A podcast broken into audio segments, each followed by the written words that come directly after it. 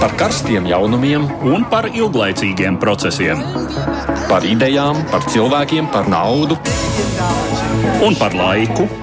Par abām mūsu planētas puslodēm, un lietojot abas smadzeņu puslodes. Ēterā raidījums divas puslodes. Ierastajā laikā labdien, sakām jums mēs, Edvards Liniņš, Aits Tomsons. Nākamās minūtes ētrā atvēlēts ir salīdzinoši tādai plašākai starptautisko aktualitāšu analīzei. Nu, ir virkni notikumu, kas pagājušās dienās ir pievērsuši uzmanību, nu, un mēs esam izvēlējušies runāt par trim tematiem.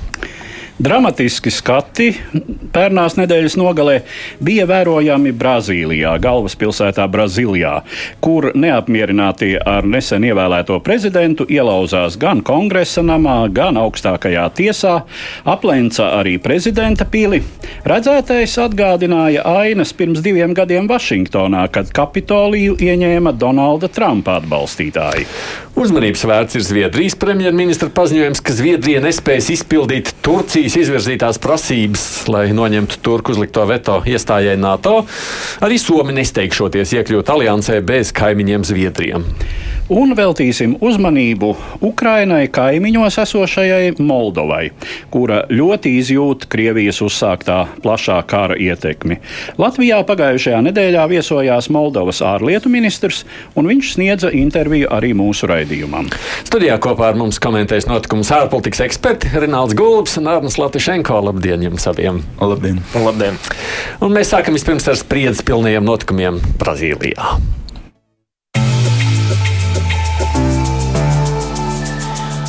30.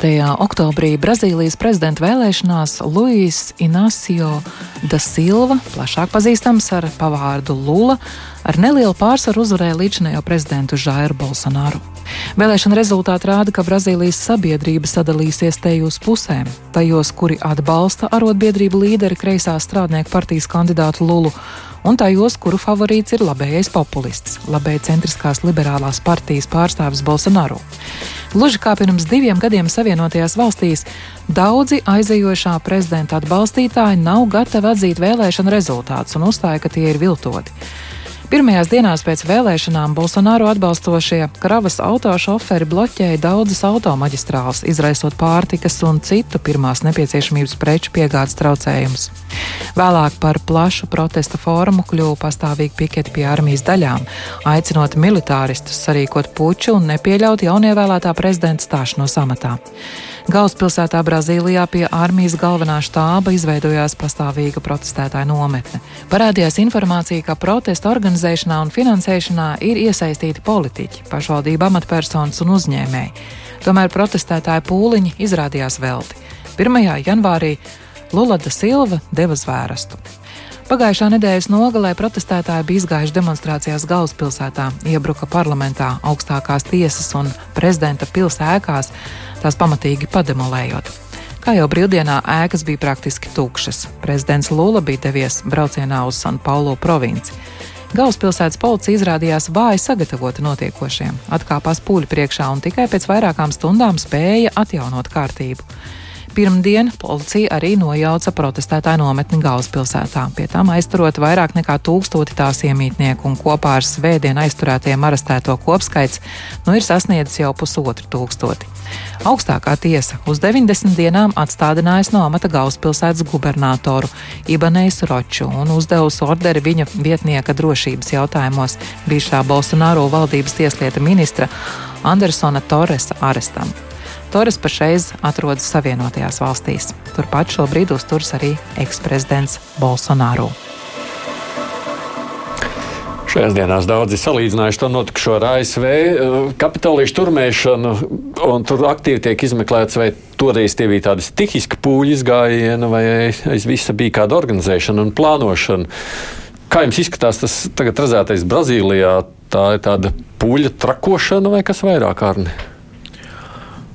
Es, es sākšu ar to, ka pareizi ir teikts, ka šis ļoti atgādina to, kas notika ASV. Un ne tikai tāpēc, ka tika ieņemts administratīvās ēkas, bet arī viss raksturs. Teiksim, tas ir tāds kopējs mm. sabiedrības trends. Kopējs teiksim, politiskā procesa trends. Ja tev nepatīk, ja tu zaudē vēlēšanās, tad tu turmē pilnu. Protams, tā ir sabiedrības šķelšanās. Te ir mm. pilnīgi noteikti paralēls ar ASV. Labējie pret kreisajiem. Mm. Uh, populisms, kas ir daudz vieta. Tā ir vienkārši teiksim, tā, tā ir kaita vai sērga, kuru daudz vietā jau ir pārslimojuši. Piemēram, vācieši pēdējās vēlēšanās to ir parādījuši. Amerikāņi arī daudz maz tiek galā ar šo te, bet, nu, kā mēs redzam, kā mēs redzam eh, parlamentu priekšsēdētāju vēlēšanas arī. Tur ir problēmas, kad radikāļi to bloķē. Brazīlijā izskatās kā ASV, tikai vēl trakāk. Mm. Ņemot vērā, ka Tur, tur arī līdzīgi kā ASV pastāv, neviena līdzīga pastāv dziļas sabiedrības rētas, un kad politiķi šo te e, negodprātīgi izmanto, e, lai noturētos pie varas, tas ir vienkārši bezatbildīgi. Bet tas notiek tā, ka tā ir tāda. Nu... Nu, jā, sanāca miljons neapmierināto, un visi beig, beigās viens otru iedvesmoja, vai tomēr tur ir kaut kas vairāk? Es nevaru, protams, apsūdzēt. Mēs arī nevaram organizēts, organizēts uh, pasākums, organizēta ielaušanās. Mm -hmm. Uh, bet var teikt, ka uh, politiķi Bolsonaro tas pats uzkūdīja, kūdot sabiedrību, kūdot savu elektorātu uh, ar to, ka viņš saka, ja, ja nu es netieku ievēlēts, tad šīs vēlēšanas ir viltotas. Mm. Nu, bet tu biji pats pie varas. Kāpēc tu nevarēji sakārtot vēlēšanu sistēmu, veicināt demokrātiju un tagad izmantot argumentu, ja es zaudēju, tad tas, tas viss ir viltots. Jā, bet nu, mēs redzam, ka tas savu darbu dara un vēlētājs ļauj tam. Man vispār tas šķiet drīzāk kā tāds ASV un Kanādas hibrīda variants ar visiem tiem. ASV un Kanādas hibrīda variants. Nu, ar visiem šoferiem, visu šoferu izmantošanu vai nē, lai bloķētu tirdzniecības ķēdes. Un, uh, Nu, tas, kas ir jāsaprot, ir, ka mm, Bolsonaro uh, mētiecīgi uz to strādāja, viņa sekotāji arī. Un skaidrs, ka tur ir apakšā arī zināmi finanšu resursi, jo tur tika pieslēgti gana daudz uh, plašsaziņas līdzekļu uh, lai uh, tiražētu šīs Bolsonaro uh, atklāsmes uh, Facebook un Twitterī, kur viņš rādīja, kā cietumā teorētiski tiek uh, falsificēti uh, balsojuma rezultāti, kā viena no pierādījumiem to, ka mhm. vēlēšanas ir nozagtas. Un, um, ja mēs tā paraugāmies uz to visu, tad um, Mēs jau viņu saucām, manuprāt, Bolsonaru kopš viņa ievēlēšanas brīža par uh, Dienvidamerikas Trumpu. Un, uh, tas, ka tur atkārtojas līdzīgs scenārijs, manuprāt, man tas nebija pārsteigums. Man bija pārsteigums, ka tas ir tik masveidīgi. Mm. Uh, bet uh, ir skaidrs, ka gluži tāpat kā Vašingtonā tika mm, nu, savesti cilvēki ar autobusiem. Uh, Tāpat arī ir noticis Brazīlijā, jo pretējā gadījumā, ja tas būtu tāds visbrazīlijas pikets un, un, un šturms, tad nu, visticamāk arī tur, kur atradās Lūda Silva, arī Sanpaulu būtu bijuši kādi nopietnas protesta akcijas, nemieri un tam līdzīgi. Tā kā kaut kas organizēts, tad grib vai negrib. Bet tā organizācija ir tāda, nu tāda atnāca, izdemolēja un tālāk Jā, tas ir tas, kas tiek atzīmēts, ka būtībā šajā protestu raundā Silva ir guvis uzvaru. Uh, un uh, viņš, uh, viņa vāra ir noturējusies. Tas, uz ko protestētāji cerēja, bija pat tāds interesants moments, ka tad, kad tur parādījās šīs speciālās policijas vienības, -hmm. bruņotas attiecīgi ar stekiem, vairogiem un tā tālāk, tad viņiem sākotnēji tie protestētāji demolētāji aplaudēja, jo bija jau izplatīts sociālos tīklos viltus ziņas, ka policija pāriet mūsu pusē, viņi ir ieradušies, lai mūs atbalstītu. Okay. Viss tūlīt būs kārtībā. Kas izrādījās, protams, viltus ziņas, viņus visus smuki sapakoja un salādēja autobusos. Protams, bet, bet tas bija tas jautājums, protams, jo tajā dienā, kad viss notika svētdienas vakarā, tie jautājumi par policijas rīcību bija tādi. Jā, kā... tie jautājumi bija un es domāju, būs uh, tieši galvaspilsētas Eh, gubernatoram. Nu, galvaspilsēta, tāpat kā Savienotajās valstīs, Kolumbijas apgabals. Tur Brazīlijas apgabals tāpat ir atsevišķs federālais apgabals. Jā. Tur ir gubernators eh, tieši pakļauts tātad prezidentam. Eh, un, Jā, gubernators, nu, acīm redzot, nu, fakts ir tas, ka gubernators ir Bolsonaro atbalstītājs. Uh, un arī šis viņa vietnieks um, drošības kārtības jautājumos uh, minētais Torres, mm -hmm. uh, kurš šobrīd atrodas Savienotajās valstīs un kas zina, kad gribēs atgriezties, ja, viņu, ja viņam ir izdots arestu orders. Uh, abi ir Bolsonaro atbalstītāji, uh, un jā, nu ir jautājumi. Jo sociālos tīklos par to, ka būs šādas demonstrācijas un ka mēs tagad iesim un parādīsim, uh, šī šis motīvs cirkulēja vairākas dienas jau. Ja? Mm. Nu, nerunājot par to, ka tur tā nometne ir jau pāris mēnešus apmēram. Bet es gribētu, velkot paralēlus ar Savienotajām valstīm, iezīmēt tās būtiskās sociālās problēmas. Un te ir nepārprotama līdzība. Par Trumpu balso valsts vidiene, tā sauktā Rūsas josla, ekonomiski nesevišķi sekmīgi sekmīgas teritorijas, kur kādreiz ir pastāvējusi liela industrija, smagā rūpniecība, kas tagad uh, cieš no globālās konkurences un netiek galā uh, ar šo konkurenci. Un par uh, demokrātiem balso attiecīgi krasti. Salīdzinoši uh, Uh, vied, viedietilpīgās industrijas, uh, informācijas tehnoloģija un tā tālāk zonas ar uh, izglītotiem jauniem cilvēkiem. Brazīlijā par Bolsonaru arī balso zemes iekšiene. Eh, un par eh, Lulu ir nobalsojuši krasti. Nu, krasts, mm -hmm. jā, tā tad Atlantijas okeāna piekraste, lielās pilsētas. Bet te ir drusku citi motīvi. Eh, zemes iekšiene ir piedzīvojusi pēdējos gados strauju uzplaukumu, jo tur ir plaši attīstījusies lauksaimniecība. Lauksaimniecība, kas ražo pārtiku, kas tagad lieliski pelna, sevišķi iestājoties Ukrainas kara izraisītai pārtikas krīzei, Brazīlija ir kļuvusi par uh, Teju pirmo iespējams pat uh, pēc apjomiem pārtikas eksportētāju, nu varbūt tur līdzās Savienotajām valstīm vēl dažām uh, pasaulē. Attiecīgi, bet tas viss notiek uz dabas resursu mm. rēķina, protams. Un tas ir tas lielais jautājums, cik var eksploatēt Brazīlijas dabu. Un acīm redzot, un Bolsonaro viens no lozungiem bija, lai tie ekoloģisti visi stāv pie ratiem. Mēs pelnīsim, mēs strādāsim, un tie fermeri, ja, kauboji, kas ražo labību, gaļu un visu pārējo, ir par Bolsonaro vairāk vai mazāk starā. Savukārt, tas, ko, kas tiek atzīmēts, Brazīlijā, kas eksportē milzumu pārtikas, ir apmēram 33 miljoni eiro bada cietēju, cilvēku, kuri, kuriem nepietiek pārtikas. Un tas ir tas, ko Silva uh, nu, ir izvirzījis kā vienu no saviem motīviem. Mm -hmm. Jo par viņu balso nabagi, par viņu balso lielo pilsētu trūcīgie šie pagaidu mājēļu kvartāli. Uh, kas um, Covid izraisītās krīzes rezultātā savukārt arī ir pamatīgi uzblīduši. Tur nav tādu sociālo tīklu kā Eiropā. Uh, tur Eh, Covid krīzes laikā Eh, šo trūkumu cietēju skaits ir pieaudzis apmēram par trešdaļu, tātad sasniedzot šos 30 pāri miljonus cilvēku. Labi, Edvards parāda to sašķeltības ainu, un tāda sašķeltība jau nav tikai Brazīlijā. Protams, tās ainas mēs redzam daudz vietā. Mēs atceramies arī savulaik par Franciju Lepēnu runājot, kas balso par Lepēnu, kurš kurā brīdī par citiem kandidātiem. Bet skatoties uz to visu, tas nenozīmē, ka, ka pieņemsim, tādā Parīzē kāds būtu gājis un mēģinājis izdolēt Elizejas laukus vai ne, un vispār jau no, beig, beigās.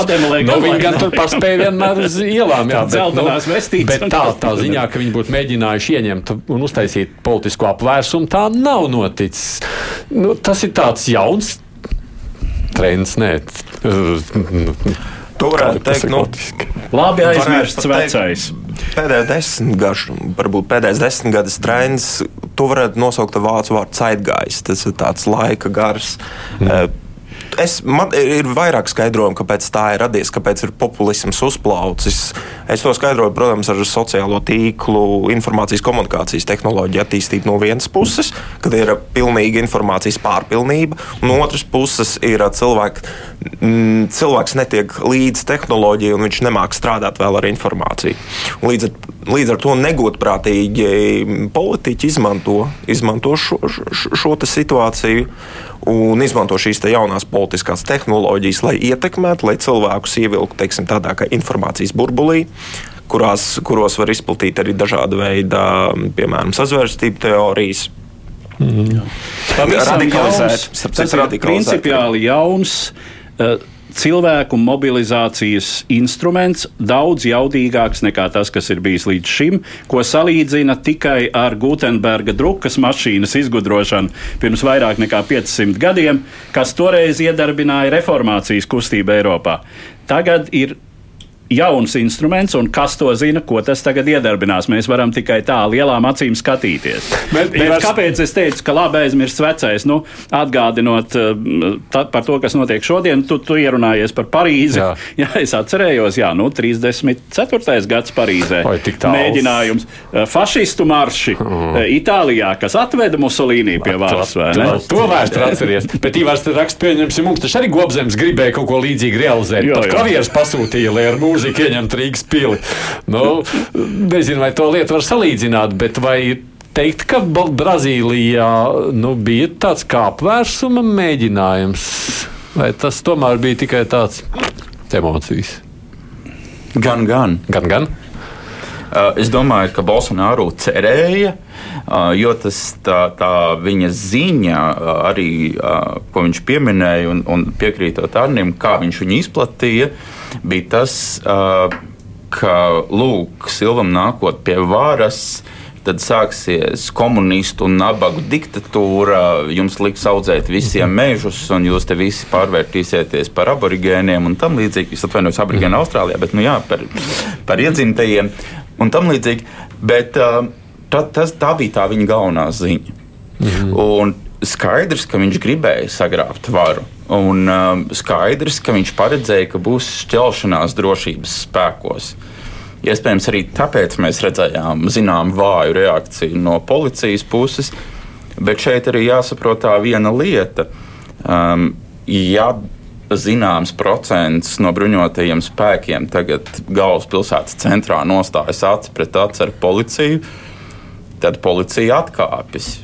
Protams, un tas arī notika. Un, um, šeit ir tas jautājums, nu, kādi tad ir šie sakari un kādas saites bija.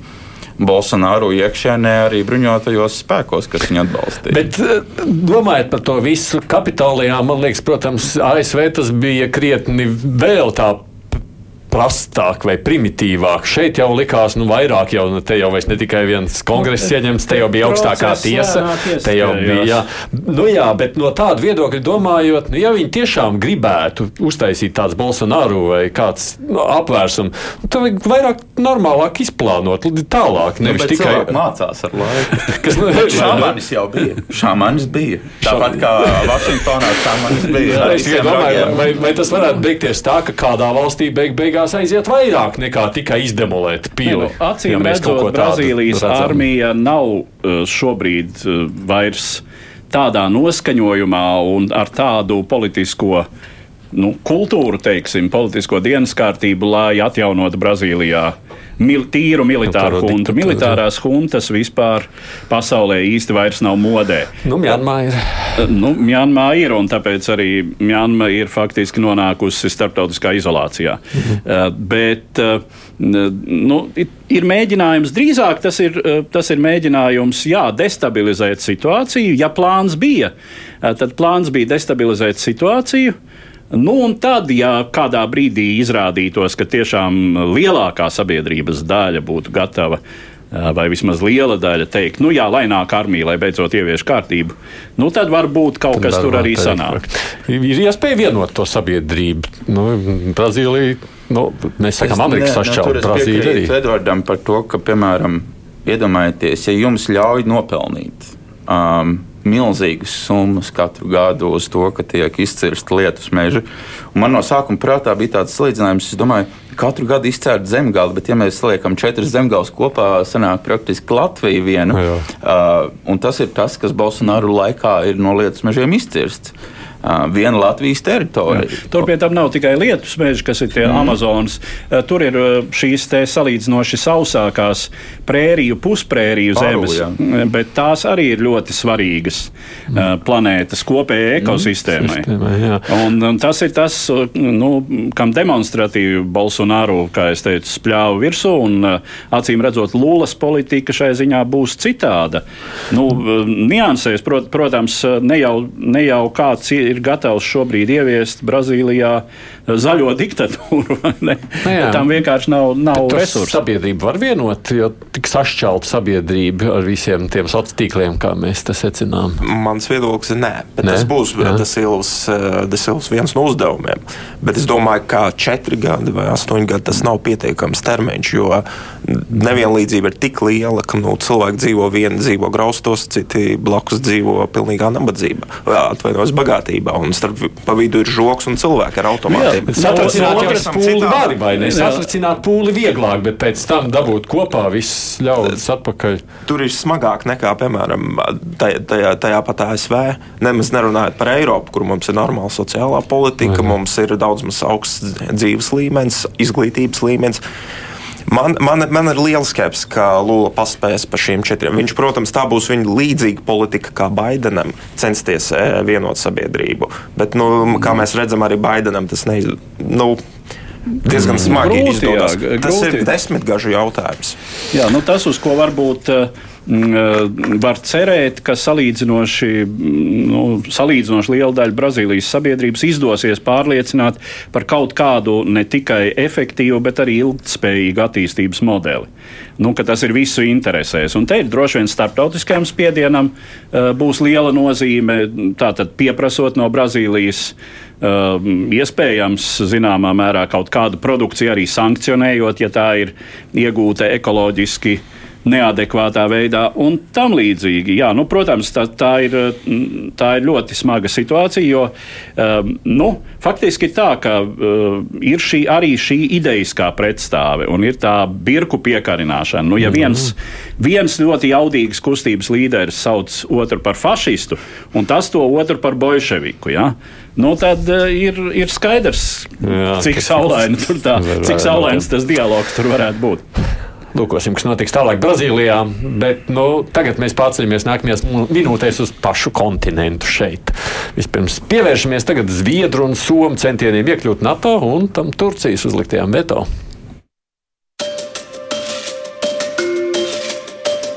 Svētdien uzstājoties aizsardzības jautājumiem veltītā domnīcas konferencē Stokholmā, Zviedrijas premjerministrs Ulfs Kristersons izteicās, ka viņa valdība esot pārliecināta, ka Turcija piekritīs Zviedrijas uzņemšanai NATO. Taču ir vairākas Ankaras prasības, kuras Stokholma negrasās pildīt. Turcija atzīst, ka mēs esam paveikuši to, ko teicāmies paveikt, taču viņi arī saka, ka vēlas lietas, kuras mēs nevaram viņiem dot un arī nedosim. Tātad tagad lēmums ir Turcijas ziņā. Tā medija citē Zviedrijas premjeru teikto. Zviedrija, kas līdz ar Somiju ir parakstījusi ar Turciju attiecīgi trīspusēju vienošanos, jau ir atcēlusi ieroču embargo Turcijai, apņēmusies nesniegt patvērumu kurdu separātistu kaujiniekiem un apstiprinājusi savu gatavību kopīgi apkarot starptautisko terorismu. Decembra sākumā Turcijai tika izdots viens no Kurdistānas strādnieku partijas aktīvistiem. Taču prezidentā Erdogana valdība uzstāja, lai Zviedrija izdotu arī vairākas personas, kuras Turcija uzskata par pastāvošās varas pretiniekiem. To Stokholma atsakās darīt, jo šādi lēmumi ir tiesu kompetencē. Decembra vidū Zviedrijas augstākā tiesa lēma, ka Turcijai nav izdodams žurnālists Bilets Kenešs, kuru Ankara apsūdz saistībā ar 2016. gada valsts apvērsuma rīkotājiem. Tiesa lēmusi, ka viņš dzimtenē tiek vajāts savu politisko uzskatu dēļ. Var piebilst, ka Turcija ir ceturtā vietā pasaulē aiz Irānas, Ķīnas un Mjāmas cietumos ieslodzīto žurnālistu skaita ziņā, kas Turcijā pēdējā gada laikā dubultojies, sasniedzot četrus desmitus. Pagaidām grūti prognozēt, kad Turcija pārstās bloķēt Zviedrijas iestāšanās procedūru. Somijas ārlietu ministrs Pekka Hāvitso paziņoja, ka viņa valsts nesteigsies iestāties NATO pirms šāda iespēja būs dot arī Zviedrijai. Abu Ziemeļvalstu iestāšanos joprojām nav ratificējusi arī Ungārija.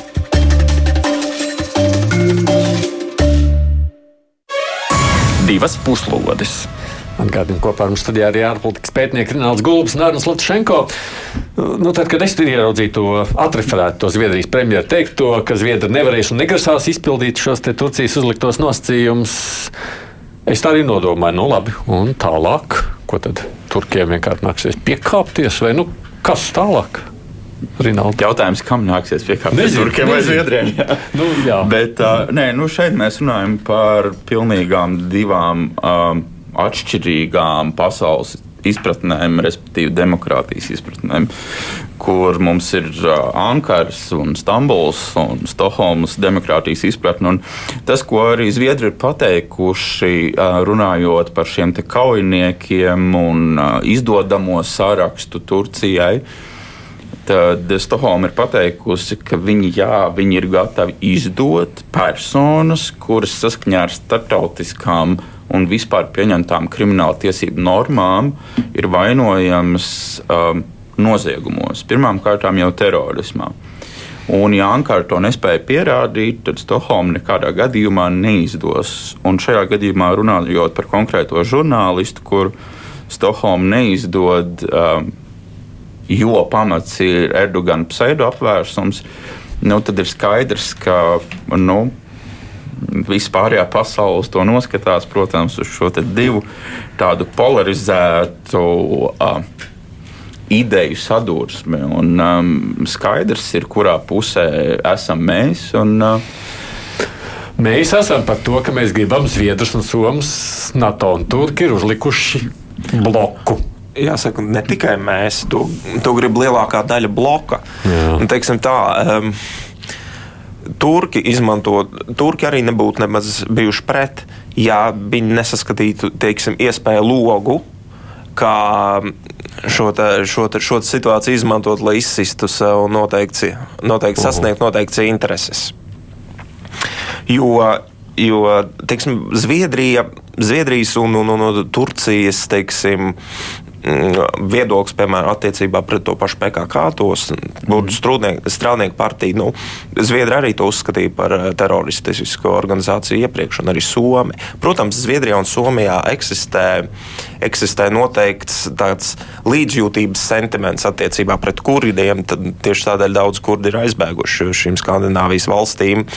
Bet no otras puses, eh, mēs redzam arī, neskatoties uz visu šo skandināvu ideālismu, ņemot vērā Krievijas iebrukumu NATO, uh, Ukrainā un ņemot vērā to, ka Krievija kļūst par tik neparedzamu, tik agresīvu, nestabilu kaimiņu, ka uh, Zviedrija un Somija jūt, ka nu, viņi ir apdraudēti. Te ir, te ir jautājums par valsts drošību, līdz ar to te viņi ir pat spējīgi atkāpties no kaut kādām tādām ideālistiskām ārpolitikas. No, kaut kā viņi ir atkāpušies no kaut ir, kā jau, vai ne? Viņi diezgan daudz, diezgan daudz jā. embargo ir atcelts, viņi ir paplašinājuši to teroristisko organizāciju eh, sarakstu, ko viņi uzskata par teroristiskām. Viņi pat ir politiski apņēmušies izdot tos, tos cilvēkus. Ir gatavība, bet, bet, bet pastāv tie apsvērumi, ko minēja Rinalds. Uh, tas ir teiksim, tā, reāla politikas izpildījums Skandināvu gaumē. Ka, ja pastāv drošības izaicinājums, valsts apdraudējums no Krievijas puses, tad viņi ir gatavi skatīties pasauli teiksim, tā. Teiksim, ciniskāk. Bet nu, līdz zināmai robežai mm. izskatās. Tāpēc, ka tā ir tiesiska valsts, kur, kur, kur pastāv jā, tiesvaras neatkarība. Un vairāk piekāpties nevar. Jā? E, politiķi ir ierobežoti. Varbūt pat, ja viņi grib, viņi nevar. Mm. Nu, līdz ar to nāks tā piekāpties vai nu turkiem, vai nevienam. Nu, man jau šķiet, ka Erdogans šajā brīdī mm, īsteno tādu diņģēšanos tīri austrumu bazāra gaumē, ka tu jau esi diezgan daudz dabūjis. Un ir šī trīspusējā vienošanās, kas tika noslēgta pagājušajā gadā - Turcija, Somija, Zviedrija kā, nu, kas ir diezgan arī vispār unikāls gadījums, ka šādā situācijā, kad uh, runa ir par pievienošanos aliansei, tiek slēgta trīspusēja šāda vienošanās. -hmm. um, nu, un uh, Zviedrija visumā ir izpildījusi, uh, vai katrā ziņā pilda to, ko ir apņēmusies, bet nu, Turcija grib vēl. Un uh, tas, ko saka Zviedru puse, ka sākotnēji nebija runa par to, ka jebkurš Erdogana politiskais pretinieks. Bet Erdogana apetīti šai ziņā, protams, sāsina vēl tas, ka ir gaidāms drīzumā prezidenta vēlēšanas. Viņš nemaz nav ļoti stabils savās pozīcijās. Uh, pilnīgi kontrolēt vēlēšanu rezultātus, acīm redzot, tomēr Turcijā viņš nevarēs. Uh, demokrātija visumā joprojām tur funkcionē kaut ar uh, Pamatīgām, pamatīgiem defektiem, bet tomēr nu, līdz ar to viņš mēģina uh, acīm redzot, eh, izdeldēt savus politiskos pretiniekus. Vēlētājiem ir svarīgi tas, ka viņš tur tādā veidā ar Somiju un Zviedriju tirgojas. Nu, es domāju, tur ir viens moments, ka pierādīt savu eh, starptautisko svaru. Mm. Uh, Erdogans, nu tas ir faktiski Erdogana starptautiskās politikas vadmotīvs. Um, šobrīd no vienas puses ļoti loģisks, jo uh, šobrīd tajā reģionā, tuvajos austrumos, eh, Kaukās, arī Centrālā Āzija. Nu, caurdurts balons sašļūka Krievijas politiskā mm. ietekme. Un, protams, ka Turcija redz iespēju aizpildīt tukšo telpu. Nu, drusku sarežģītāk jau ir, protams, Eiropas virzienā. Tur nekas nav tā atbrīvojis vietu, bet nu, tas jau vienmēr teiksim, ir tāds ļoti iecienīts gājiens sava iekšēji varbūt ne tā labākā prestiža uzlabošanai. Mēs esam runājuši par to, ka Turcijai ekonomiski iet grūti un Erdogana politikai ne. tur ir zināma. Loma. Nu, labi, un ja nu Erdogans tā iecertas un saka, nē, nepiekāpšos, tad. Nē, tur es piekrītu Edvardam par to, ka šajā gadījumā, manuprāt, Erdogans pārbauda to, cik tālu viņš šo savas ārpolitiskās ietekmes gumiju var stiept. Un, kurā, diezgan tālu aizstieps. Jā. Ir diezgan tālu aizstieps, jo, projām, protams, tur ir tāds ārpolitiskos maksvaru vakums. Tur ir virkni valstu, kas ir uh, revolūcija un karu plosītas reģionā un tam līdzīgi. Un Turcija uzņem šo lomu.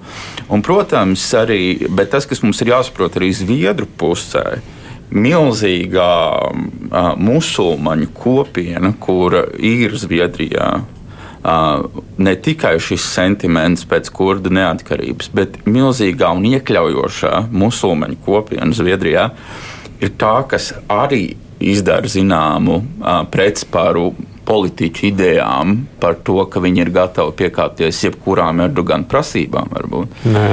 Un, un arī tas ir vēlētājs. Jā, ar to nevar nerēķināties, bet tie, kas saredz tur nu, tādi jūtīgāki Krievijas pirksti saka, ka nu, tur jau laikam tur Erdogans spēlē tikai Putina stabulē. Nē, nav. Es nu, Erdogans nav tik lēti pērkams. Nē, tomēr jā. Krievijai vairs īsti nav, nav par ko. Nav par ko pērkams ir. nē, nē, ar, ar viņu var daudz ko sarunāt. Jā, tas, nu, labi, tā, cik ilgi tā, tas tā var turpināties? Cik ilgi tas tā var turpināties?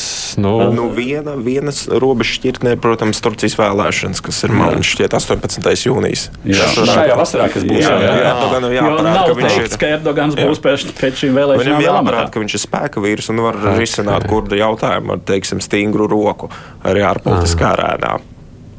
Cits apsvērums ir, protams, tas nav tikai trīs valstu jautājums, tas ir viss NATO jautājums.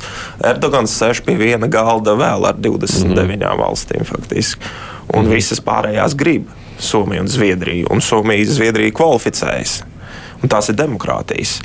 Un, teiksim, tā, ja viņš tā stīvēs un kā pārējie skatīsies uz viņu, viņš grāv teiksim, arī Turcijas ār, ārējo teiksim, prestižu, imidžu. Viņš parāda, ka Turcija ir neusticams partneris. Un, ja kaut kādas problēmas kaut kādā nu, tuvākajā desmitgadē Krievijas dēļ iespējams sāksies Baltijas jūras reģionā, un Zviedrija un Turcija būs, kā, būs nobloķējusi eh, Zviedrijas un Somijas iestāšanos, tad uz Turciju rādīs ar pirkstiem. Jūs, jūs, jūs, jūs neņēmāt vērā mūsu pārējo intereses, kuras ir augstākas par tām, par tām tiksim, tā, tiksim, tad, tad viņš, viņš kaulēs tagad par, par, par, par par kāpēc. Šajā, bet šajā tirgošanās iesaistās jau arī citi. Nav tikai tās trīs valstis, viena, ja Somija, Turcija un Zviedrija. Nu, protams, NATO kopumā.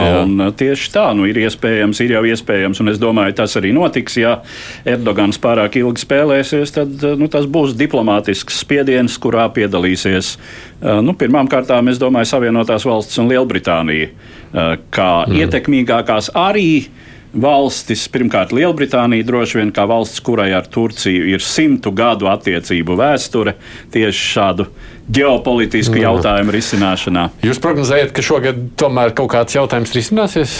Jā, risināsies. Šogad vajadzētu atrisināt šiem jautājumiem arī pirms NATO samitiem. Parasti nu, tiek novilktas kaut kādas robežlīnijas. Un, uh, Nu, es nezinu, vai ap Jāņu laiku jau mēs būsim atraduši šo risinājumu. Būs pagājusi nedēļa uz mūsu Jāņiem, kopš pēc vēlēšanām. kopš Erdogans būs vai nebūs ievēlēts, varbūt būs kārtējis kubretā. Un, bet Erdogana izpildījumā, bet um, ir jāsaprot, jā, ka nu, mums ir jāizvēlas saglabāt. Nu, tādā pilnīgā kontrolē un bezierunu kontrolē Turcijas izpildījumā vienu šaurumu vai padarīt Baltijas jūru par NATO um, dīķi teiksim tā. Nu, jebkurā gadījumā ir viena skaidra lieta, ko mēs runāsim Eduardu ap Jāņu laiku, vai ne? Tas būs Turcijas vēlēšanas, tas būs skaidrs. Gaidām tās nākamās ziņas un pievēršamies tā trešajam tematam šajā raidījumā. Un tas gan šoreiz būs jāpiesaka pašam Eduardam, jo sāksim vispirms ar interviju, un tikai tad mēs te varēsim komentēt to, kas dzirdēsim. Jā, nu tā ir intervija ar Moldovas ārlietu ministru Niku Popesku, kurš viesojās Rīgā pagājušās nedēļas vidū, piedalījās šeit arī diskusijā, nu, un tad man bija iespēja uh, īsai intervijai ar viņu, uh, nu, kur mēs iezīmējām tādus galvenos Moldovas šī brīža ārpolitikas vektorus pirmām mhm. kārtām. Perception from uh, here, from Latvia, is that Moldova No Latvijas perspektīvas raugoties, Moldova nav bijusi īsti skaidrībā par savu ģeopolitisko orientāciju. Kā jūs raksturotu attieksmi Moldovas elitēs un sabiedrībā kopumā pret iespējamajiem scenārijiem? Moldovas integrāciju Eiropas Savienībā, palikšanu kaut kur pelēkajā zonā starp Eiropu un draudzīgu Krieviju, un vai Moldovā joprojām tiek uzlūkota kā iespējama apvienošanās vienā valstī ar Rumāniju, atgriežoties pie situācijas, kāda tā bija starp abiem pasaules kariem. There's no doubt about the fact that Moldovan society wants to live in liberty, in democracy, and in the European Union. Nav šaubu par to, ka Moldovas sabiedrība vēlas dzīvot brīvībā un demokrātijā un Eiropas Savienībā. Jā, pēdējos vairāk nekā 20 gados atbalsta līmenis iestājai Eiropas Savienībā ir piedzīvojis kāpumus un kritumus. Taču vairākuma uzskats vienmēr ir bijis, ka Moldovas nākotne ir Eiropas Savienībā. Piemēram, Manis vadītā ministrija kopš 2006. gada tiek dēvēta par ārlietu un Eiropas integrācijas ministriju. Ar Rumāniju mums ir viena valoda, kopīga vēsture, kopīga kultūra, mums ir pārsteidzoši tuvas attiecības. Pagājušo gadu es tikos ar Rumānijas ārlietu ministru 14 reizes, tātad biežāk nekā reizi mēnesī. Nav citas valsts, ar kuru mums būtu tik ciešas attiecības kā ar Rumāniju. Mēs runājam par visu - sakariem, tiltiem, elektroapgādi. Mums ir ļoti efektīva sadarbība, kopš Krievija bombardē Ukrainas elektroapgādes infrastruktūru. Lielāko daļu novembra Rumānija piegādā mums vairāk nekā 90% no mums nepieciešamās elektroenerģijas. Mēs runājam par drošību, par aizsardzību. Rumānijas prezidents ir paziņojis, ka viņi nepametīs Moldovu vienu nekādos apstākļos. Kas attiecas uz iespējamu apvienošanos, tas ir ļoti augsta līmeņa politisks jautājums. Tas būtu jāuzdod iedzīvotāju kopumam, parlamenta deputātiem. Mēs kā izpildvara darbojamies esošās konstitūcijas un parlamentārā vairākuma dotā mandāta ietvaros, un daļa no šī mandāta ir integrēties Eiropas Savienībā. Tā skaitā ar mūsu kaimiņu valsti Rumāniju. Kā jūs formulētu galvenās izmaiņas Moldovas situācijā pēc 24. februāra ģeopolitiskās orientācijas nozīmē un iekšēji Moldovas sabiedrībā? Moldovas society. I think this war infused this increased sense of insecurity in a lot of countries, including in Moldova. Es domāju, šis karš daudzās valstīs ienesa nedrošības izjūtu, tā skaitā Moldovā. Tas nozīmē, ka mums ir daudz nopietnāk jāuztver mūsu drošība un aizsardzība, mūsu partnerattiecības ar citām valstīm. Tāpat laikā mums arī pirms kara bija gluži skaidrs, ka mēs vēlamies pievienoties Eiropas Savienībai, ka mēs vēlamies ciešākas partnerattiecības ar citām valstīm drošības jomā. Šai nozīmē karš, protams, ir draudz, bet tas tikai intensificē to, ko mēs jebkurā gadījumā plānojam darīt pirms kara. Mūsu sabiedrībā, protams, ir ievērojama daļa, lai gan tas tomēr ir mazākums, kas ar simpātijām attiecas pret Krievijas skaidrojumiem par norisēm mūsu reģionā par tās attiecībām ar Ukrainu. Bet es domāju, mēs šobrīd vērojam skaidri izpaustu visas sabiedrības līdzjūtību un atbalstu Ukraiņiem. Mums nācās uzņemt ļoti lielu skaitu bēgļu. Arī šobrīd pie mums uzturas 80 tūkstoši bēgļu, bet kopumā Moldovas teritoriju ir šķērsojuši vairāk nekā 600 tūkstoši, un atsevišķos brīžos viņu skaits sasniedz 130 tūkstošus, kas ir 4% no mūsu iedzīvotāju skaita. Un daudzos gadījumos šie tūkstoši dzīvoja pilsētās un ciematos, kuri tradicionāli ir balsojuši par prokrieviskajām partijām, bet nebija nekādu incidentu. Cilvēki, kuri gadiem ilgi ir balsojuši par prokrieviskajām partijām, atvēra savas durvis, uzņēma ukrāņus un izrādīja empātiju šai cilvēciskajai traģēdijai. Domājot par Ukrainas perspektīvo uzvaru šai karā, uz ko mēs visi ceram, kāda varētu būt Piedņestras problēmas nākotne šai kontekstā? So for us, it is very obvious that uh, the success of Ukraine is also de defending Moldova. Mums ir acīm redzami, ka Ukrainas panākumi aizstāv arī Moldovu. Pateicoties Ukrainai, Moldova šobrīd nav militāri apdraudēta. Piedņestras konflikts, kā separātisks konflikts ar nelikumīgu Krievijas militāro klātbūtni, ir tāds, kas radītu diskomfortu jebkurai valstī. Mēs esam ļoti noteikti noskaņoti virzīties uz pilnīgu šī konflikta noregulējumu un Krievijas karaspēku izvešanu diplomātisku sarunu ceļā. Mēs, protams, redzam, ka karš turpinās, ka Ukraina atbrīvo savas teritorijas, taču ir skaidrs, ka joprojām pastāv risks, ka šis karš būs ilgs. Es domāju, ir pāragri spriest, kā un kad tas viss beigsies. Jebkurā gadījumā mēs esam noteikti noskaņoti panākt Moldovas reintegrāciju un panākt to dialoga un sarunu ceļā.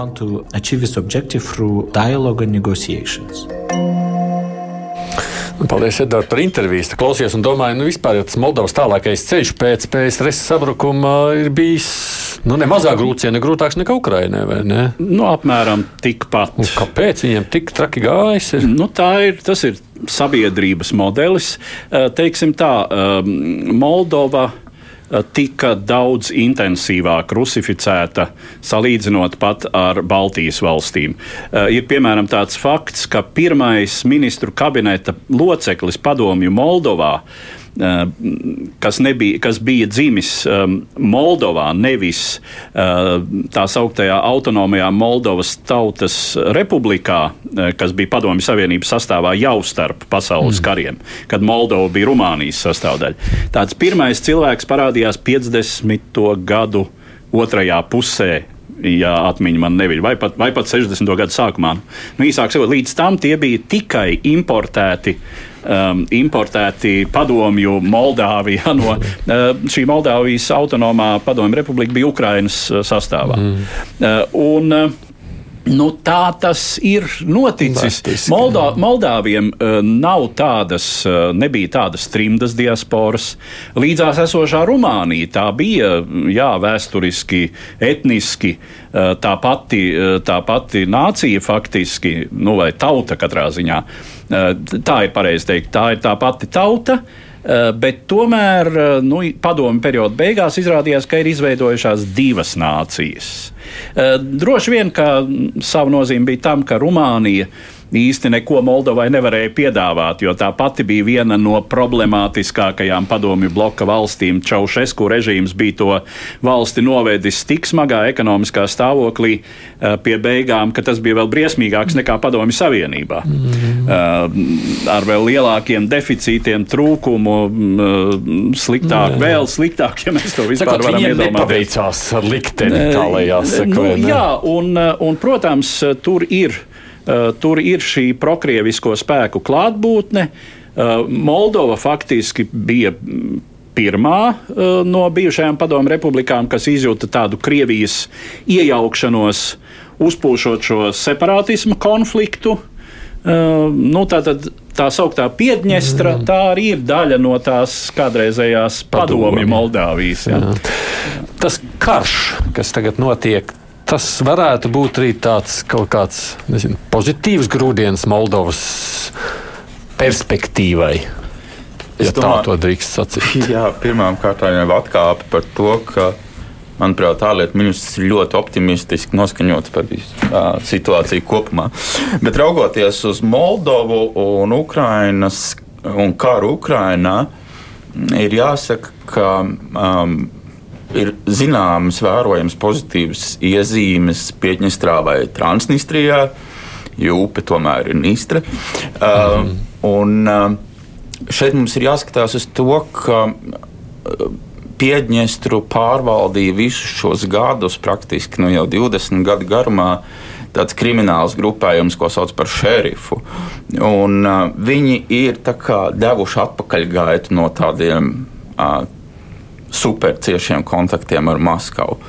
Un tagad pēdējās ziņas bija tā, ka viņi ir atkāpušies pat no solījuma nepaukstināt maizes un, un, um, un miltu cenas kas jau briedina neapmierinātību. Konfliktu sabiedrībā, jo tur jau ir bijis, piemēram, arī Krievijas iepriekš tādi sponsorētie politiķi Gagauzijas reģionā, kas ir viena no tādām. Pat ne etniskām minoritātēm, bet subetniskām minoritātēm Moldovā tie jau vairs nerunā par, par tādu lielāku autonomiju Moldovas sastāvā. Viņi jau tagad runā par ciešu sadarbību ar Kišņevu un, un, un ir nomierinājušies. Tā kā šis skumjais stāsts par kāru Ukrajinā var izrādīties, jā, varbūt ne tik ātri. Es neteiktu, ka tas ir mājas sandu pilnvaru termiņš. Mm. Bet, uh, tālākā nākotnē tas var izrādīties daudz labāks un priecīgāks stāsts Moldovai. Jā, mēs arī tad, kad karš sākās, man šķiet, tajā publiskajā telpā ik pa brītņām runājām un redzējām nu, tādas bažas, saka, mm, un kāda tas varbūt nemieras izprovocēs pašā Moldovā. Tad tur bija runa par kaut kādu protestu organizēšanu, iespējams, Krievijas organizētu pret, nu, pret pastāvošo varu tad beigu beigās izskatās, ka karš tomēr ir nosvēries par labu tai pro-eiropeiskajai arni virzībai. Karš ir nosvēries par labu vispār Moldovas izdzīvošanai. Ja būtu kritusi Kijava un ja būtu kritusi Ukraina, Moldova vienkārši ir uz paplātes Krievijai. Jo tur jau ir. Krievijas kontingents e, Piedņestrā. Moldova ir e, enerģētiski atkarīga no Krievijas. Tur ir iekš, iekšpolitiski apsvērumi, tur ir prokrieviskie spēki, kas ir um, atbrīvotāji, teiksim, ienākšanas gadījumā jau ir gatavi pārņemt, uh, teiksim, mm, tautas republikas vadīšanu. Uh, ir ļoti, teiksim, tie ir. Krievija ir iedzēlusi vairākus āķus Moldovā, un viņi netaisās laist Moldovu vaļā. Un kas ir interesanti, uh, Piedņestrā esošie Krievijas spēki nekad netika izmantoti Ukraiņas konfliktā. Mm -hmm. Jo teiksim, sākotnējā periodā iespējams eh, Putins uzskatīja, ka viņi nebūs vajadzīgi, jo tāpat jau tiksim galā. Bija milzīga pašpārliecinātība. Pēc tam jau kara vēlākajos periodos. Uh, viņi sāk saprast, ka tam nebūtu jēgas.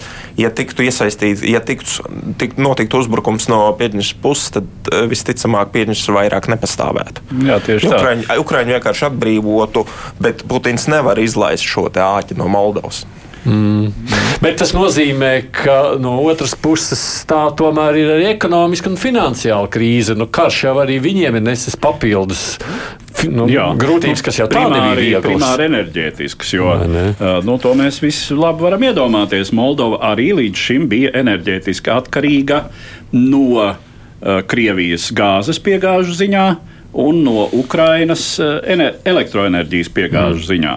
Uh, un uh, do, Krievijai sākot šos triecienus, nu, tad jāsaka, triecienu tempā ir uh, izveidota infrastruktūra, uh, kas savieno Moldovu ar Rumāniju un Rumāniju. Hmm enerģētiku, var, elektroenerģiju var piegādāt, kas gan Moldāvu patērētājam ir uh, nu, tuvu uz robežas, ka to vairs nevar atļauties. Respektīvi, tās cenas ir lēkušas ļoti pamanāmi. Nu, ir kaut kāds valsts atbalsts pastāv, bet tā ir salīdzinoši liela problēma. Bet tas, ir, tas, kas ir noticis, ka tiešām ir tās prokrieviskās partijas, kas ir bijušas pie varas pēdējās desmitgadēs, lielā mērā sabotējušas šo energosistēmas pārslēgšanu uz um, Eiropu. Nu, tagad tas tiek darīts, lai saņemtu, piemēram, gāzi caur Bulgāriju uh, no gāzes vada, kas, kas piegādā um, Centrālā Azijas uh, gāzi Eiropai caur Turciju. Jo tur jau laikam arī Eiropas Savienības sniedz pietiekoši lielu kaut kādu atbalstu. Vismaz tā es esmu dzirdējis šobrīd Moldovai tā ir. Jautājums, kas ir liels un kas ir kas mazs nu, atbalsts? Jā, um, labi. Iepriekš sniegtais atbalsts, piemēram, tās pašas Moldovas digitalizācijā. Um, jā, bija, protams, bet vairāk politisks un ar uzstādījumu, ka mums tagad ir jāiet um, vienotā digitalizācijas paketē. Jautājums, vai um, tie daži desmit miljoni, kas tika piešķirti Kišņevai un kuri milzīgos korupcijas. Um, Korupcijas afērās arī tika izlaupīti liela daļa, mm. uh, nonāca līdz gala lietotājiem. Un, uh, turklāt tur vēl iesaistījās Ķīnas uzņēmēji, kas veiksmīgi šo naudu pārņēma un tam līdzīgi. Tā kā, nu, tas ir viens stāsts, bet tas, ko Moldāvi ir pierādījuši, um, iepratīm Gazprom šantāžai. Tas, ko viņi ir spējuši eh, zibens ātrumos par 40% vispār uh, samazināt kopš pagājušā gada februāra gāzes patēriņu. Mm. Pārējot es, uz malku, lielā Pārējot uz malku, un, un, un tagad, uh, manuprāt, uh, pagājušās nedēļas izskaņā bija vēl paziņojums no regulātora, ka gāzes cena vēl kāps par trešdaļu. Jā, bet runājot par to militāru strateģisko aspektu, faktiski Moldova ir tas punkts, kur visvairāk būtu jābaidās no tieša militāra konflikta, ja krīt Ukraina, no nu tad tas būtu nu degls no pulvermucā. No, nu, tas, ko sacīja Jārnis. Bet saki, ja Ukrainai izdodas tas labākais scenārijs, uz ko mēs visi ceram, nu, ka viņš šajā karā sevi nosargā un nu, tomēr atgūst tās vismaz iekarotās teritorijas. Kādu tu redzi ar nākotni Moldovai pēc kara? Nu, primāri te ir jāpieņem arī pats lēmums ne tikai Moldovas sabiedrībai. Moldovas sabiedrība parādījusi, ka tur ir vēlme pēc e, Eiropas integrācijas, ņemot vērā, ka Sandu ir prezidents šobrīd, bet ir jābūt arī aktīvai politikai no rietumvalstu puses. Un te primāri Moldova ir no visām rietumvalstīm, tā ir Rumānijas atbildības sfēra, jo Rumānija gan fiziski ir, mm. ir kaimiņu valsts. Uh, Viena tauta, kā teica, jā, viena tauta, jā. tur nav valodas šķēršļu. Uh, Rumānijai būtu jābūt jābūt uzdevumam faktiski risināt šo Moldovas enerģētikas, enerģētikas krīzi, un ko, cik, cik, cik ir noprotams no, no plašas ziņā līdzekļos izskanējušas informācijas, ka Rumānija jau to aktīvi dara cenšoties nodrošināt Moldovu ar, ar gāzi. Elektrība ir problemātiskāka, jo, jo to piegādā no Ukrainas un, un, un pa, pašu Ukraiņu vajadzēs pēc kara faktiski glābt ekonomiski. E, bet te ir jābūt arī no, no e, teiksim, rietumu puses lēmumam, ka jā, Moldova nāk ar mums kopā. kopā nu, kas nozīmē, tad, kad beigsies karš, nu, tad mēs tajās optimistiskajās nākotnē skatāmies, sakām tā, tur nebūs runa tikai par Ukraiņas nākotni, tur būs arī jautājums par to, kas notiks Ukraina, ar Moldovu. Moldova ir pilnīgi, pilnīgi neizbēgami arī uh, atkarīga no kara iznākuma. Mm. Uh, un uh, pilnīgi skaidrs, ka nu, tā situācija nepaliks kara beigās. Nu, tāda, kāda tā Kā bija līdz, līdz karam. karam. Moldova ir interesants temats, un redzēsim, tiešām gaidām tālāk notikums, kas ir Ukrainā. Ārpolitikas eksperts Rinalds Gulbs, Hērns Latšenko, paldies jums par piedalīšanos abiem raidījumiem. Protams, paldies Edvardam Liniņam gan par interviju, gan par sagatavotiem materiāliem un šeit studijas analīzi. Producēju raidījumu Evi Junām, šeit bija arī Aits Tomsons. Tiekamies atkal pēc nedēļas, sakojam līdz visiem notikumiem. divas puslodes.